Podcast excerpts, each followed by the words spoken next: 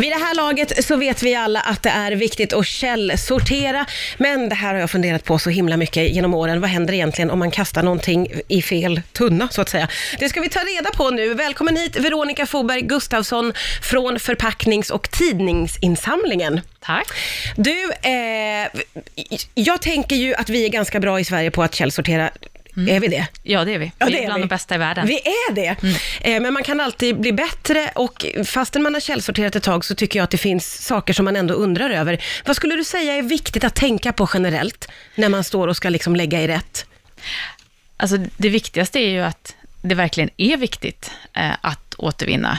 Och alla vinner när man återvinner. Och vi behöver värna våra naturresurser och bidra till ett mer, mer cirkulärt samhälle. Och då är återvinning någonting som alla kan göra. Men det man ska tänka på rent praktiskt är ju att eh, man ska platta ihop förpackningarna så mycket det går. Man ska tömma dem från matrester och annat. Eh, och sen ska man eh, separera det som går att separera. Och så ska man lägga det i rätt tunna. När du säger separera det som går att separera, vad menar du då? En mjölkkartong till exempel har ju ett plastlock som man kan skruva av. Ja. Då skruvar man av det plastlocket. Just det. Och så lägger man det i plast och eh, själva kartongen i, i pappers. Jag tycker det är en jättebra påminnelse att man ska liksom tömma ur kartonger och platta ihop dem, för att ibland går det snabbt och man ska ut på... Ja, men det- är ju så, så det där är ju faktiskt väl värt att bli påmind om, tycker jag. Eh, finns det några riktigt kritiska misstag som vi icke får göra när vi står och ska lägga i rätt? Ja. Nu kommer det. ja. Eh, man får absolut inte lägga batterier i eh, förpackningsinsamlingen. Vi har... Eh, har Men gör folk det? Ja, det görs. Ehm, och vi har faktiskt Europas effektivaste sorteringsanläggning för plast i Motala. Och där har det senaste tiden varit en hel del bränder, just för att eh, det har hamnat batterier i plastinsamlingen. Oj! Och det kanske är så att, för en del batterier har ju någon form av plasthölje, och då kanske man tänker att ah, men det här är en plastförpackning, men det ska absolut inte läggas där, för att det är, det är farligt och det är bara att brinna. Så batterier är en sån sak som man ska verkligen vara extra, extra, extra noga med. Och Den kanske... till, alla batterier ska till batteriinsamlingen, oavsett om, den, om de har ett plasthölje eller inte. Ja, just det.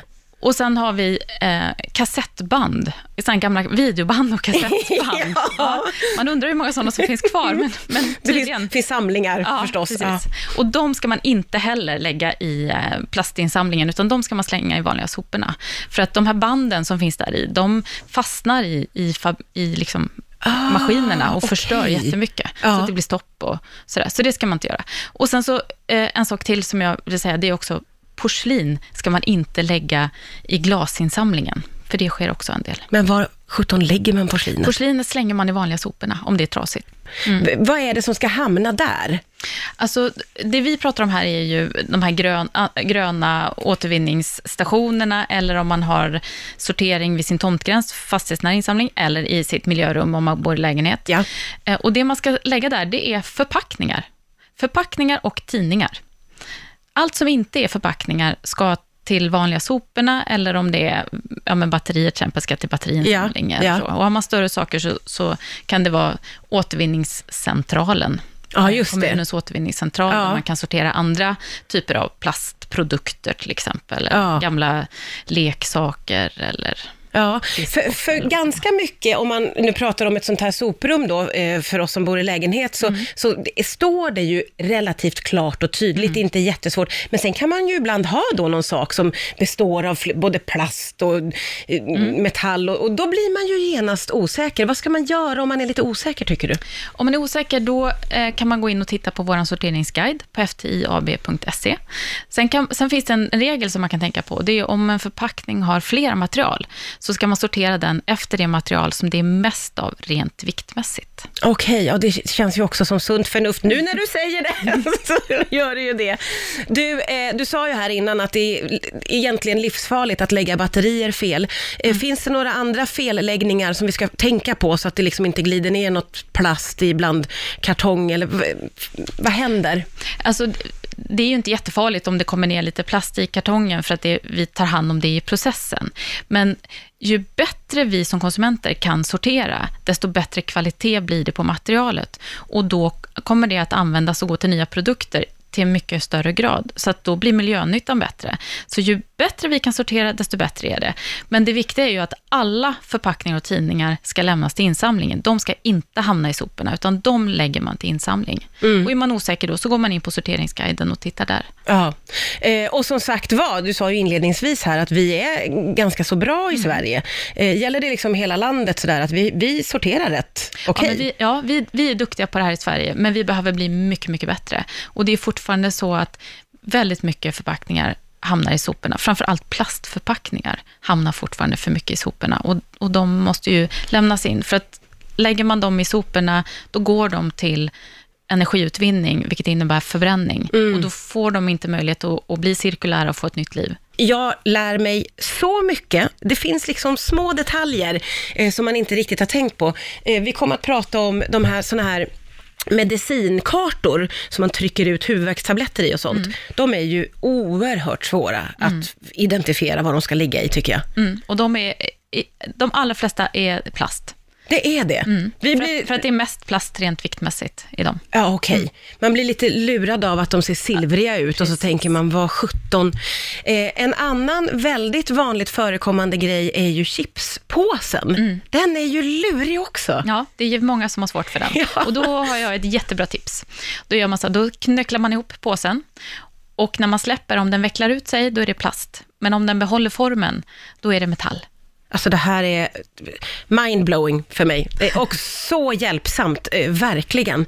Eh, vi pratade också om det här, för de som eh, eh, har soprum, om man bor i flerfamiljshus och, och sådär, eh, så är det ju ganska vanligt förekommande att man kanske ställer någonting som man inte riktigt vet vart det ska vara, bredvid tunnan, eller bara... Va, vad säger du om det, Veronica?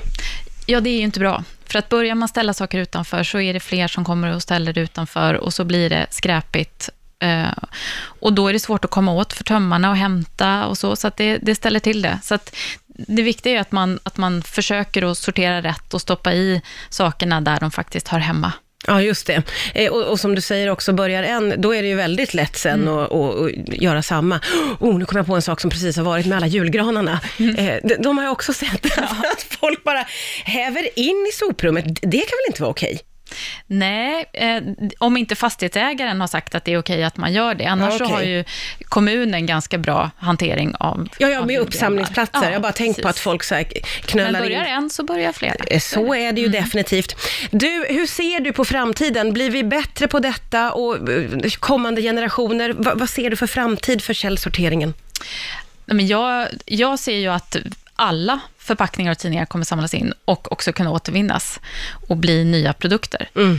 Och jag, jag tror att det är så, vi, vi måste gå dit.